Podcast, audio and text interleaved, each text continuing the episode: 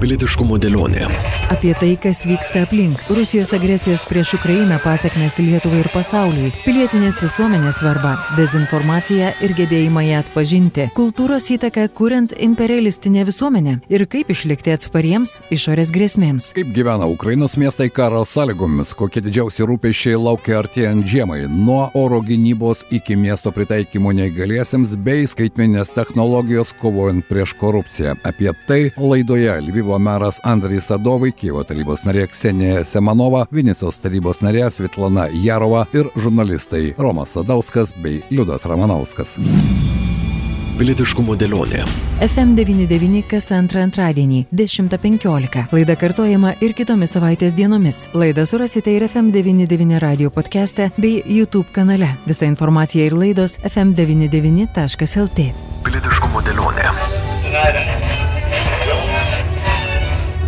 Laidos finansavimo prisideda Spaudos radio ir televizijos rėmimo fondas. Sveiki, bičiuliai, prie mikrofono Romas Sadauskas. Romai, laba diena. Sveiki. Ir Liudas Ramanauskas. Šiandien mes pratesime mūsų pokalbius apie Ukrainą, nors iš pirmųjų puslapių ir portalų antrašių Ukraina dinksta, bet karas Ukrainoje niekur nedingo, karas tęsiasi ir toliau. Ir štai šiandien pabandysime pažvelgti į Ukrainą galbūt pačių ukrainiečių akimis. Romai, kaip tau atrodo, štai okupuotose Ukrainos teritorijose rusai pradėjo priverstinio donorų kraujo ėmimą Rusijos kariuomeniai to visiškai neslėpdami, na ir paimtas kraujas skiriamas okupaciniai kariuomeniai, kuri dabar patiria didelius nuostolius ir kur dabar karščiausi taškai, vis dėlto be jokios abejonės ta informacija mus pasiekė ir karas niekur nedingo. Ta, tos okupuotos teritorijos ir šiaip jau nukraujavę ne tik tiesioginė prasme, bet ir pirmiausia ten mobilizacija buvo vykdyta visiškai kitaip, rusų paėmė visus, kas nors kiek krūta, ten ir mokiniai, ir studentai, ir pensininkai visi išėjo iš tų vadinamųjų Donetsko ir Luhansko, kai jos dar nebuvo prijungtos Respublikų ir e, Rusijos įstatymai negalioja, jie ten skundžiasi, ne, bando atvirus laiškus Putinui rašyti, niekas juos dėmesį nekreipia. Iš esmės, tai yra tų žmonių tragedija, iš tikrųjų yra baisi, tai yra žmonės, kurie neturi jokių teisių, nei kaip Rusijos piliečiai, nors jiems rusiškai pasai išdalinti, nei kaip Ukrainos piliečiai, nes, nes Ukrainos faktiškai negalioja jau ten teisės. Dabar kas vyksta, man labai įdomu stebėti mūšius Avdijevkoje, todėl kad aš ten buvau. 17 metais su žurnalistų delegacija buvom nuvykę. Tai buvo ir, prieš šešis metus. Taip, ne? prieš šešis metus, bet kadangi tuo metu tai buvo arti kontaktinės linijos pafrontės miestas, e, e, miestas su viena didelė kokso gamykla, e, didžiausia ar Europoje, ar pasaulyje, dabar jau nepamenu, bet tos atliekų krūvos, kur, kurias dabar bandė šturmuoti rusai ir kur apgynė ukrainiečiai, jos iš tikrųjų yra įspūdingo dydžio. Čia Lietuvoje mes irgi vienoje chemijos gamyklos turim pavyzdį, tai jis yra palyginus mažytis, o ten yra tikri kalnai. Ir, ir man labai keista, kaip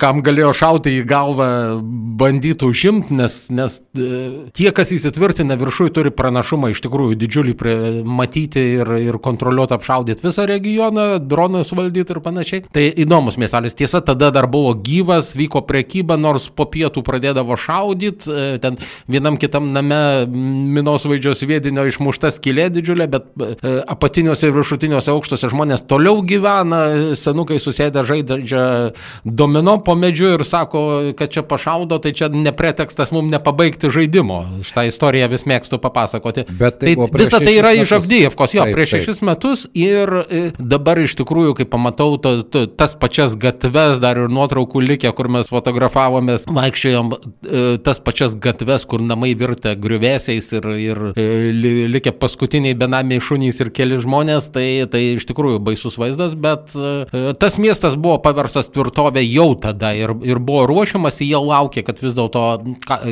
tas karas ir Minsko susitarimai yra tik tai laikinas sprendimas ir anksčiau ir vėliau jiems jį reikės dar ginti. Tai, tai ten ilgai užtruks, ten bus antrasis Bakmutas, e, baisu. Baisu. Ukrainos kariškiai praneša, jog per pastarąją parą parą sunaikino dar 810 okupantų, o iš viso rusai neteko 295 510 kareivių. Žinoma, ukrainiečiai neskelbė, kiek neteko ukrainiečiai savo ištikimiausių žmonių, kiek neteko karių. Ir štai šiandien mes pabandykime, Romai, pakalbėti ne vien tik tai apie situaciją Ukrainos frontuose, bet ir apie tai, kaip gyvena žmonės skirtingose Ukrainos miestuose. Nes miestai gyvena, žmonės taip pat gyvena. Galbūt po pirmųjų savaičių šoko ir netikėtumo vis dėlto tokia mūsų žmogiška prigimtis. Mes norime surasti tas įmanomas sąlygas, netgi karo sąlygomis ir gyventi, o problemų karas tik padaugino. Grįžimas į normalybę yra natūrali žmogaus prigimtis ir, e, tarkim, kokiam nors Kijeve, kuris yra iš tikrųjų didžiulis miestas kaip visa Lietuva, e, išskyrus tas pirmąją, pirmąją karo savaitę, kai ten vyko mūšiai pakraščiuose ir kai ukrainiečiai apsigynė ir nustumė rusų armiją, toliau tas gyvenimas kiek įmanoma grįžo į normales vėžes, nepaisant apšaudimų, nepaisant visko, oro pavojaus sirena nutyla ir žmonės gyvena toliau, jie eina į parduotuvę, eina į darbą, kažkas turi išvežti šiukšlės, kažkas turi tiekti vandenį, užlopyti e, prakirusius vamzdžius ir e, karo sąlygom tai yra gerokai sudėtingiau, bet vis dėlto Ukraina gyvena. Tai štai. Valstybė kaip gyvas organizmas, jinai gyvena iš to laiko. Suprantu, kad tai yra didelė dalim dotacijų už vakarų e, dėka, Dėka, bet vis dėlto e, ir tų žmonių atsparumas e, daug ko mus gali pamokyti. Beje, žūsta ir sužaloti ir ukrainiečiai. Ir be jokios abejonės žmonių su karo žaizdomis tiesioginė ir perkeltinė prasme jų ten šimtai tūkstančių. Dabar mes paklausykime, ką sakė Kievo tarybos narė Ksenija Semanova, ją kalbino mūsų kolegė Vilija Kvedaraitė ir kokias problemas sprendžia, pavyzdžiui, ir Kievo savivalda, kokios problemos jų nuomonė yra pačios aštriausios. Vienas iššūkių, su kuriais susiduria sostinė Kyivas - miesto pritaikymas neįgaliesiems. Darnus judumas Ukrainos miestams tapo gyvybiškai svarbus, sako Kyivo tarybos narė Ksienė Semanova. Koks gyvenimas Kyivė šiandien? Yeah, rockets, uh, rockets, yeah. they reach missiles. they Raketos reach, kasdien uh, pasiekia įvairius Ukrainos miestus, tad mes kariaujam. Mes ruošiame žiemai, nes laukiam, kad Rusija padarys tą patį, atkirs visas energijos sistemas. Mes taip pat dirbame, kurdami neįgaliems žmonėms draugiškas erdves, naikindami kliūtis. Nes Kyivė dabar gana sudėtinga žmonėms su, pavyzdžiui, neįgaliojo vežimėliu. Mes taip pat dirbame su kariaujančių fronte šeimomis ir tų, kurie ten žuvo, kad jų atmintis būtų įamžinta. Taip pat daug padedame vaikinams fronte, medikamentais, apsaugos priemonėmis. Daug žmonių iš Kievo ten kovoja. uh. Kaip jūs pasiruošę žiemai? Um. Pirmiausia, mes siekime apsaugoti energetikos infrastruktūrą nuo raketų atakų. Perkam generatorius, jei elektra būtų išjungta, ruošiam specialias saugias vietas visuomeniniuose pastatuose, tokiuose kaip mokyklos, savivaldybės ir panašiai, kur žmonės galėtų ateiti, pasikrauti telefonus, paskambinti artimiesiems, gauti karšto vandens. Taip pat dirbame toliau ir su slėptuvėmis, nes mums jų reikia daug. Tiesą sakant, čia mes nepasiruošę. Nė viena Kievo slėptuvė nepritaikyta žmonėms su negale. Tai rimta problema. are uh, O tokių žmonių vis daugėja. Taip, civiliai ir kariškiai, jie and- sugrįžta. Žmonių su negale buvo ir anksčiau, bet žinot, visi tie sovietiniai stereotipai apie žmonės su negale, kad jie tik gauna pašalpas, ima pinigus iš biudžeto ir kažkaip gyvena. Bet šie žmonės, kurie neįgalus dabar, jie buvo ekonomiškai ir socialiai aktyvūs. Jie reikalauja iš miesto ir vyriausybės normalių gyvenimo sąlygų. Jie nori dirbti, eiti į restoranus, vėl gyventi normalų gyvenimą. Tad tai nauja Kijevui ir visai Ukrainai. Bandome su tuo tvarkytis. Tad manau, mums dabar tai didžiausias iššūkis. moment. Ar gaunate tam pagalbą iš kitų Europos regionų ar miestų? Uh, with uh, Stengiuosi apie tai daug dabar kalbėti čia, tai yra Bruselėje. Kiti miestai mums labai daug padėjo su dideliais generatoriais, ligoninėms, mokykloms, taip pat transportu, nes mes labai daug autobusų atidavėme į frontą, į išvaduotus miestus, kurie visiškai nebeturėjo visuomeninio transporto. Tad mūsų miestai partneriai siunčia mums autobusų, tramvajų, juos taip pat naudojam ir taisyti tiems, kuriuos turime. Sulaukime daug pagalbos iš Europos miestų. Uh, uh. Ar daug žmonių išvyko iš Kyivo ir ar sugrįžo? Um, at the beginning, um, okay, the Kijeve gyvena 3 per 3 milijonus. Prasidėjus šiam pilnos apimties karui liko mažiau nei milijonas. Dabar mes vėl turime 3 milijonus gyventojų, bet tai ne tie patys žmonės. Mieste mažiau vaikų, moterys su vaikais išvažiavo į saugesnes vietas. Jaučiu tai, nes buvo ilgos eilės į darželius, į mokyklas, dabar gali leisti savo vaiką be jokių problemų. Aišku, tai blogai, nes vaikų turime mažiau. Daug laikinai perkeltų žmonių karo pabėgėlių iš okupuotų regionų, iš pasienio regionų. Tad gyventojų skaičius beveik toks pat kaip prieš pilnos apimties invaziją, tačiau su kitokiais žmonėmis.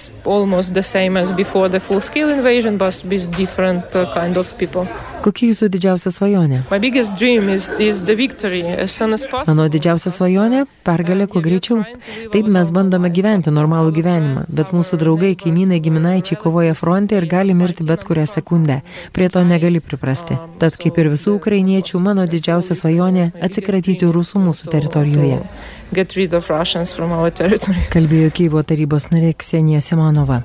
Na štai, su tokiais rūpešiais gyvena Kievas ir iš tikrųjų Ksenija papasakojo apie begalę problemų rūpešių, kuriuos reikia spręsti ir gyventojų pasikeitimai ir žmonių su negale problemos, bet jos iš tikrųjų tai yra kaip įmanoma karo sąlygoms suteikti bent kažkiek normalesnės gyvenimo sąlygas. E, Vis dėlto karo sąlygomis e, Kijeve vyksta ir atstatymai. Jeigu kažka, kažkur nukrito raketa, kažkas sprogo, kažkas sugriauta, e, tai pakankamai greitai atstatinėjama. Aš pats mačiau vaizdus, nuotraukas net iš tos pačios bučios, kur nėra Kievas, bet yra primestis, kaip jinai atrodė e, tik pasitraukus okupantams ir kaip jinai atrodo dabar. Tai e, iš tikrųjų, jeigu jie taip, kaip čia kalba, kreipia dėmesį į neįgaliųjų e, galimybės, tai naujai rekonstruojant visada lengviau yra e, pritaikyti kažką ir neįga, judėjimo negaliai ypač turintiems žmonėms, negu veikiančiam senam pastate Bandyti, bandyt atlikti daryti, kai, kai, kai nereikia. Jo,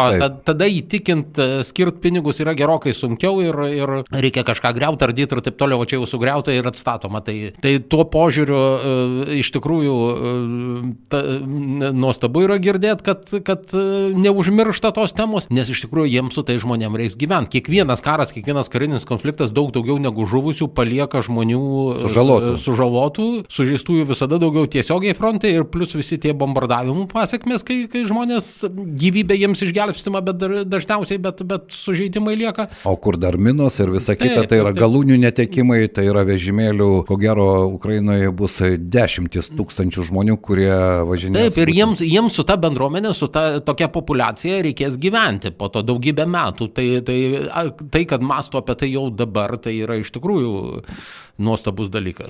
Na, o dabar, e, Romai, pabandykime nusikelti į vakarinę Ukrainos dalį. Atrodo, Lvivas tai buvo tas taškas, kuriame bent jau pirmosiomis karo savaitėmis ir mėnesiais buvo tūkstančiai tų pačių ukrainiečių pabėgėlių. Bet rusai savo raketomis pasiekė ir Lvivą. Ir štai kągi dabar galvoja Lvivo meras Andrei Sadovai. Paklausykime jo. Ukraina pamažu rengėsi dėryboms dėl narystės ES.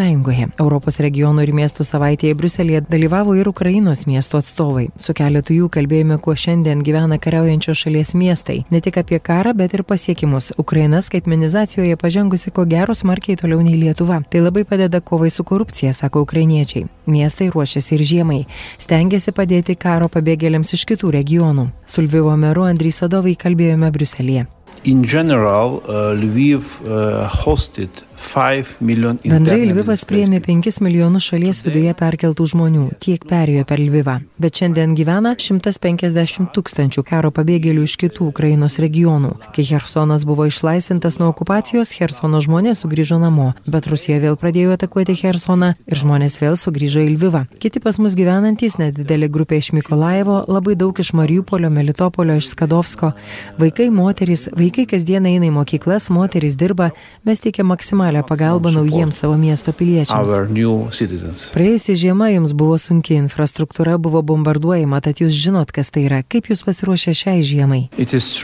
Uh. Tikrai, Rusijos raketos sunaikino daug elektrinių Lvivė, bet mes nuveikėm didžiulį darbą. Lvivė turim 4000 lėktuvių ir pusantro tūkstančio jų turi žydinius. Mes turim didžiulės malkų atsargas ir visos mūsų ligoninės mokyklos turi dizelinius generatorius, alternatyvės šildymo sistemas, mes maksimaliai atstatėm savo energetikos ūkį, nupirkom daugybę dizelinių generatorių, galim išgyventi be vandens ir elektros tiekimo, be šildymo. Ir paskutinis NATO samito sprendimas man suteikė viltį, kad gausim prieš raketinės sistemas. Mums reikia oro gynybos. Duosiu pavyzdį. Kai Rusijos dronai paskutinį kartą atakavo Lvivą, Rusija paleido 18 dronų. Ukrainos oro gynybos sistemos sunaikino 15, 3 dronai pataikė į sandėlius. 25 tūkstančiai kvadratinių metrų visiškai sunaikinta. Daugybė maisto, daugybė humanitarnės pagalbos. Anksčiau kiekvienas Rusijos dronas pataikydavo į kokį nors objektą. Dabar Rusija paleidžia 20-30 dronų, kurie pataiko į vieną taikinį. Geros oro gynybos sistemos saugo Ukrainos miestus ir kritinę infrastruktūrą yra. Tai vienintelis protingas sprendimas. Tad to jums labiausiai reikia iš vakarų. Lviv, we, uh, lost humanitarian and food approximately Per paskutinę ataką Lvivė mes praradom 450 milijonų grivinų vertės humanitarnės pagalbos ir maisto. Tai siaubinga. Viso labo trys dronai. Tie trys dronai kainuoja gal 15 tūkstančių dolerių, bet žalos padarė už 12 milijonų dolerių. Uh, Ką reiškia turėti savo namus Bruselėje? Lvivas jau nuo pavasario turi savo ofisą regionų komitete. Dnipro atidarė savo. Ką tai reiškia jums? Kaip tai padeda? Good, good, uh, Tai labai gerai, tai didžiulis darbas. Bet 2025 metais Lvivas bus Europos jaunimo sostinė. Mes gavom šią galimybę. Tad biuras čia Lvivui padeda. Tai galimybė įvairiems ryšiams. Manau, kiekvienas Ukrainos regionas turi turėti namus Bruselėje, kaip Vokietijos regionai, Lenkijos regionai, Lietuva, Portugalija, Ispanija. Tai normalu. Lvivas padarė pirmą žingsnį, Dnipro dabar žengė antrąjį. Manau, kad kas mėnesį turime atidaryti naują regionų biurą. Ukrainos visuomenė dabar daug labiau skaitmenizuota nei Vokietijos, Prancūzijos ar Niderlandų. Kaip karas pakeitė jūsų visuomenę? Lvivas yra Ukrainos IT sektoriaus sostinė, bet IT technologijos padeda padaryti Ukrainą atviresnę, atsparesnę korupcijai. Mes įgyvendinam įvairias technologijas Lvivo miesto taryboje ir mano kolegos kitose miestuose. Mes esame geras pavyzdys ir tuo dalyjamės. I, I share uh, this example for uh, different uh, cities and region. Kada ateis pergalė? Huh, good question. No, Geras klausimas. Kasdien Ukrainos armija išlaisvina Ukrainos teritorijas, bet pergalė turi dvi dalis - Ukrainos teritorijos išlaisvinimą ir šalies atstatymą. Rusija buvo, yra ir bus visą laiką grėsmė šaltinis mūsų šaliai. Mums reikia patirties iš Europos, iš demokratinių šalių, mums reikia patarimų, priežiūros. Mano idėja labai paprasta. Mes turime padidinti bendradarbiavimą tarp Ukrainos ir Europos miestų ir regionų. Turime pastatyti naujus pamatus mūsų ateičiai. Tik bendradarbiavimas sprendimas. Pinigai gerai, bet reikia naujų idėjų, žinių. Tai pergalė. Victory. Ko jums labiausiai reikia išskyrus taiką? Mums reikia supratimo. Aš praleidau Bruselėje dvi dienas. Daug žmonių palaiko Ukrainą, bet manau, jei turėtumėt laiko ir praleistume dvi, tris dienas Ukrainoje, Lvive, jūs suprastumėte dabartinę situaciją Ukrainoje. Kalbėti apie Ukrainą Bruselėje yra gerai, bet jūs turite pamatyti mano šalį. Turime tęsti pokalbį apie Ukrainą Ukrainoje. Ir kartu Lvivo regionas, Ukrainos kiti regionai ir Europos regionai suras geras idėjas ateičiai. Radio stočiai FM99 kalbėjo Lvivo miesto meras Andrys Sadovai. Pilietiškumo dėlionė. Lvivo miesto meras galvoja apie 25 metus ir Europos jaunimo sostinę savo mieste. Toks keistokai ar neskamba, kai kiekvieną dieną skraido dronai ir raketos, bet tai tik tai įrodymas, kad miestai gyvena. Taip, bet e, matytas sprendimas buvo priimtas dar tuo metu, kai truputį didesnius lūkesčius turėjo dėl karo trukmės. Dėl kontrpolimo. E, sėkmės šios vasaros. Dabar, dabar didesnių abejonių yra, ar tikrai 25 metais jau bus viskas pasibaigę baigia, bet gal ir, gal ir karui vykstant įmanoma pabūti tą jaunimo sostinę.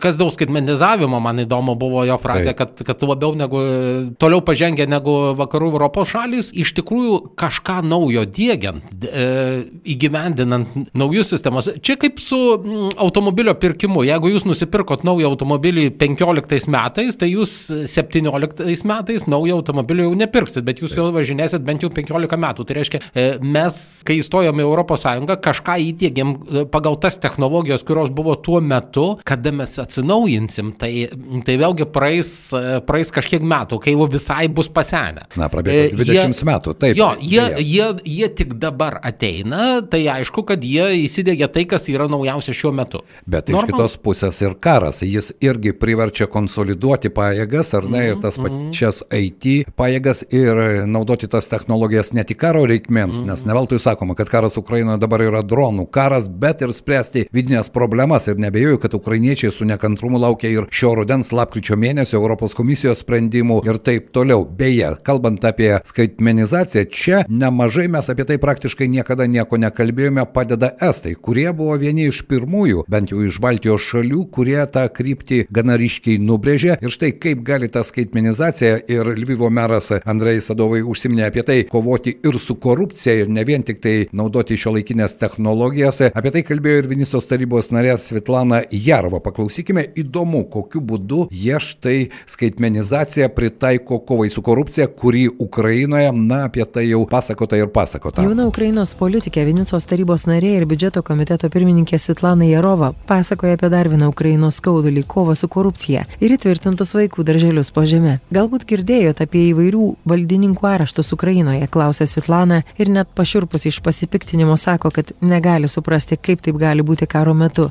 Anot jos ir Ukrainos visuomenė taip pat negali suprasti. Skaitmenizacija padeda su tuo kovoti, nebejoja Vinicos tarybos narė. O iš Ukrainos čia tikrai yra ko pasimokyti. Su Estijos pagalba ukrainiečiai visą galvą pralenkia senuosius europiečius. E-vyriausybės portale yra viskas, ko gali prireikti - visi asmens dokumentai, visos paslaugos, duomenys, visa informacija ir mokestinė sistema smulkiems verslininkams, kad nereikėtų kontakto su tarnautojais. Estijos pavyzdžių buvo įdėkta viskas, kas geriausia, sako ukrainietė. Galbūt jau girdėjote apie tą galimybę, kad aš galiu telefone surasti viską - savo tapatybės kortelę, vairuotojų pažymėjimą, pasą, baudas už greitį. Skaitmenizacija padeda kovoti su korupcija, nes mes nukertam kontaktą tarp valstybės tarnautojų ir piliečių. Todėl efektyviai kovojam su korupcija ir galim dalinti šią patirtimį. Ukrainos visuomenė neleis įsigalėti korupcijai. Ar galite įsivaizduoti, ką kario mama ar praradę vaikus tėvai padarytų su tuo korumpuotu tarnautoju, mokytoju ar valdininku? Ukrainos visuomenė dabar labai tvirtai stovėjo prieš korupciją, stipriau nei bet kada, nes mes vieningi. Šis karas suvienyje ukrainiečius ir mes labai tvirtai stovime už demokratinės europietiškas vertybės, daug stipriau nei bet kada. Vertingiausia gyvenime yra gyvybė ir ukrainiečiai atiduoda gyvybės, kad įrodytų, kad mes norim eiti demokratijos keliu, kad norim laisvės, demokratijos, skaidrumo, nenorim būti imperija praizgyta korupcijos.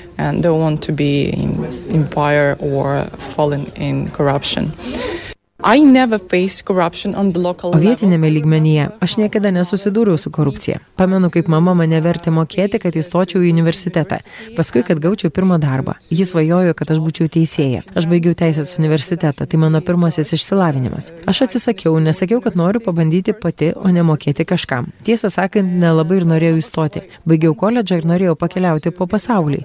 Bet kažkaip išlaikiau stojimuosius į geriausią teisės universitetą Ukrainoje. Pamenu, kaip verkiu, kad įstojau įstojau. Tad aš gyvas įrodymas, kad pasaulis atviras ir galimybės yra. Galima apsėti be korupcijos, galima pasiekti viską pačiam. Mano vaikas lanko paprastą darželį. Deja, dabar savivaldybė po visais darželiais įrengė slėptuvės nuo bombų. Tai lik antras darželis po žeme.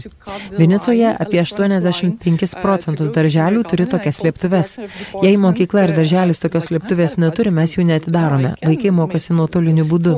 Pamenu, bandžiau greičiau savo sūnų į darželį įrašyti, bet man buvo atsakyta, kad eilė elektroninė tad nėra jokių galimybių ir aš turiu laukti. Sako Sitlana. Anot jos, Vinicoje su korupcija susidurti netenka. Beje, darbas taryboje Ukrainoje neapmokamas reprezentacinis, net ir biudžeto komiteto pirmininkiai.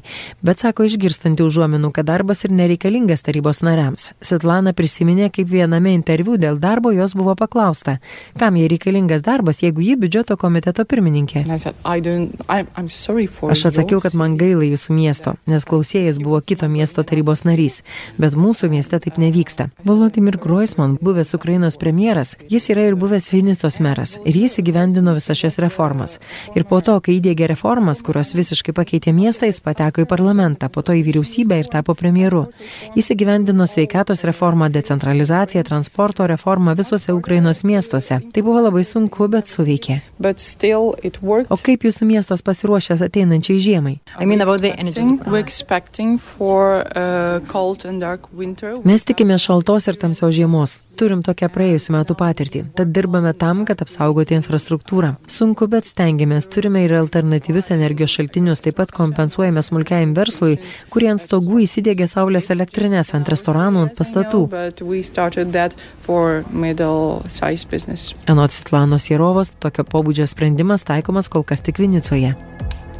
Na štai, tokia patirtis, ar ne, pasirodo. E, Tarybos nariams nemokėti pinigų yra tam tikra e, karo metu galbūt prasminga, bet paskui atsiras. e, Pagundos. Jo, kad tik jiems nepati, netektų patirti to, ką mes su čekiukais išbandėm jau. Tai, tai čia galėtumėm pasidalinti savo patirtim panašiai kaip estai pasidalino savo informaciniam technologijom, kad tai įma iš gestų, tai pasirinkimas teisingas, nes jie vis dėlto toliausiai tą, tą linkmę pažengė. Klausimas, kiek tai yra saugu, nes e, Na, kol kas e, estai, man rodos, sugeba užtikrinti ir tą saugumą, netgi Net, įvairiose. net rinkimams Taip, jų vis dėlto nenulaužė dar sistemos Be Rusija. jokios abejonės. Tai ukrainiečiai, ko gero, turi tą galimybę iš tikrųjų dabar imti tas naujausias ir technologijas, ir tas praktikas, kurios pasiteisina, kalbant netgi apie savivaldos lygmenį. Bet iš kitos pusės visų mintis ta pati - greičiau baigtųsi karas. Karo trukmė dėja neprognozuojama ir žvelgiant į dabartinę situaciją. Bet vis dėlto, Romai, kalbant apie tai, kuo dabar gyvena Ukrainos miestai, mes matome ir iš mūsų pašnekovų, kad jie stengiasi gyventi tą normalų gyvenimą. Karas yra savo, jie be jokios abejonės tame sukasi, bet tai štai nuo troleibusų, autobusų iki slėptuvių, čia mes irgi galėtume pasimokyti, nes pas mus kol kas daugiau kalbų, mažiau darbų. Kaip tau atrodo? E, Iš tikrųjų, dabar mes tų slėptuvių neįsirengsim, pripažinkim. E, Neturim metro didžiuosiuose miestuose, neturim, e, pastatams nebuvo keliami reikalavimai, kad po jais būtų slėptuvių ir dabar tokių investicijų niekas neturės. Mes dabar stumdysimės, e, iš kur paimti pinigų kelių remontui, e, iš kur paimti pinigų mokytojų algoms, iš kur paimti pinigų pareigūnų algoms ir taip toliau. Bijau, kad tikrai kam jau kam o slėptuvėms mes dabar neturėsim pinigų, kol mums jų tiesiogiai neprireikė, kol, kol karas nepasiekė mūsų. O tikėkime, kad šiemet dar nepasieks. Bet bet, e, jau bus per vėlų, su visada taip būna. Iš esmės, e, taip. Na, o kiti metai, tai rinkimų metai daugelį. Ir Lietuvoje mes turėsime trejus rinkimus, ir Europoje rinkimų netruks, Junktinėse Amerikos valstijose ir Ukraina, kurioje e, pokalbiai apie rinkimus vienu metu buvo gana aktyvus. Ir dabar trumpai galbūt paklausykime, kokia mūsų pašnekovų nuomonė apie rinkimus kaip demokratinį įrankį demokratinėje valstybėje. Prieš kurį laiką buvo pasigirdę diskusijos apie planuojamus parlamento rinkimus Ukrainoje. Tačiau pašnekovai nemano, kad tai įmanoma karo metu. Lyviumo meras Andrei Sadovai. Šiandien aš koncentruoju savo energiją pagalbai savo miesto žmonėms, pabėgėliams iš kitų miestų padėti sužeistiesiems ir Ukrainos armijai. Diskusijos apie rinkimus karo metu nėra protingos. Manau, po mūsų pergalės tada ir rinkimai gali vykti. Prezidento, parlamento, per karą tai neįmanoma. Bet tai tik mano požiūris. Well, It, it is my, my, Yeah. my view. It is my Venecijos tarybos narė Sitlana Jarova. Couldn't be uh, during the war. Tai negali vykti karo metu. Kol vyks karas, rinkimų nebus. Per daug pavojinga, ką nors keisti. Na štai, tokios nuomonės. Iš tikrųjų, karo metu rinkimai, Romai, kaip tau atrodo? Techniškai suorganizuoti rinkimus įmanoma net ir per karą. Aišku, neįvyktų balsavimai okupuotose teritorijose ir kažkur visiškai šalia fronto, bet e, giliau šalyje tai būtų to normalaus gyvenimo dalis. Kitas klausimas, kokią tai turėtų e, žalą pačiai visuomenį, nes vis dėlto dabar yra tam, tikras, tam tikra visuomenės konsolidacija, bendras darbas, e, užmiršti skirtumai, užmiršti politiniai nesutarimai didelė dalim. E, Rinkimai išprovokuoja e, tuos prieštaravimus, e, įsiveliama į politinius ginčius ir kariaujančiai šaliai mažiausiai reikia, kad pradėtų vieni kitiem draskyti akis ir plėšytis dėl rinkimų. Čia pavyzdys Lenkija, kurioje ne per seniausia tik pasibaigė Jo, ir, pama, rinkimai ir ir tas pamatysim, rinkiminis pamatysim, laikotarpis. kas bus taip. pas mus, ar, ar, ar nepradės politikai reikalauti ten atiduoti kažkam kitam e, dalį gynyboje numatytų išlaidų ir panašiai. E, Karo metais rinkimai, net senovės Atenai karo metais paskirdavo diktatorių ir leisdavo jam vadovauti kariuomeniai ir miestui graikų poliuose iki karo pabaigos. Tai, tai Ukraina turi demokratiškai išrinktą valdžią per visų lygių, nuo savivaldos iki prezidento ir manau, kad prasminga būtų pratesti mandatus visų ir iki karo pabaigos. Na, o kada jis bus, niekas negali pasakyti. Ne. To labiausiai turbūt laukia ne tik Ukraina, bet ir visas pasaulis. Tavo nuomonė, vis dėlto aš suprantu rusų propagandos naratyvą, kad Europa jau pavargo nuo tos Ukrainos ir kaip jie džiaugiasi, kai Ukraina dinksta iš pirmųjų puslapių ir Hamaso ir Izraelio karas atsiduria dėmesio centre. Kaip tau atrodo, ar vis dėlto pavargsime mes nuo karo Ukrainoje ir ar jau pavargome? Naujas karas visada buvo, negalėjo netapti svarbiausia naujiena ir, ir neatsidurti dėmesio centre. Gerai, kad, e, sakysim, tas pats prezidentas Bidenas, e, ką dabar prašo iš kongreso, tai yra vienu paketu finansavimo ir e, tik tai klausimas, iš ko ten prašyti, kai ten suirutė tokia, vienu paketu ir Ukrainai, ir Izraeliui pagalbos. Ir dar, kas gerai, Pietiniai kad... sienai su Taip, Meksika. taip. Ir, ir dar kas gerai, kad uh, Izraeliui nereikia, pavyzdžiui, uh, šarvuočių, tankų, dar kai kurių dalykų. Žodžiu, uh, tie pageidavimai uh, nepersidengia. Ta prasme, nėra tų ginkluotės rūšių, kurių reikėtų ir Izraeliui, ir Ukrainai. Uh, Izraeliui reikia ten raketų uh, savo oro gynybos sistemai, bet pačią gynybos sistemą turi. Ukrainiečiams reikia daugiau to, ir gynybos to. sistemų, Taip. e, daugiau šarvuotos technikos, žodžiu, e, ta pagalba viena, viena kitai netrukdo. Ir jeigu pažvelgtumėm e, grinai finansinę išraišką, kokią dalį tai sudaro lyginant su visų jungtinių valstybių gynybos biudžetu, tai yra tikrai mizerno sumos ir nuo to nenuskurs amerikiečiai. Kaip nenuskurs europiečiai, kaip nenuskurs Lietuva dėl to, ką, me, kokią pagalbą mes teikiame. Nors kartais, e, kartais žmonės taip pašneka, kad oi, e, vis Ukrainai ir Ukrainai duoda, o kas man duos. Tai tai štai. vat, e, tos sumos, kurias mes vis dėlto atiduodam, yra palyginus su, su kitom mūsų kasdieninėm eiliniam išlaidom nėra tokios jau didelės. Ir e, ta pagalba, manau, kad e, kitais metais bent jau e, nemažės ir dėmesys nemažės. Tikėkime, kad taip ir bus. Tai buvo pilietiškumo dėlionė. Šiandien Romas Sadauskas, Liudas Ramanauskas mūsų eterėje. Jūs girdėjote Lvivo merą Andris Sadovai, Kievo tarybos narė Ksenija Semanova ir Vinicijos tarybos narė Svetlana Jarova ir jų mintis, kuo gyvena karo sąlygomis Ukrainos miestai. Pilietiškumo dėlionė.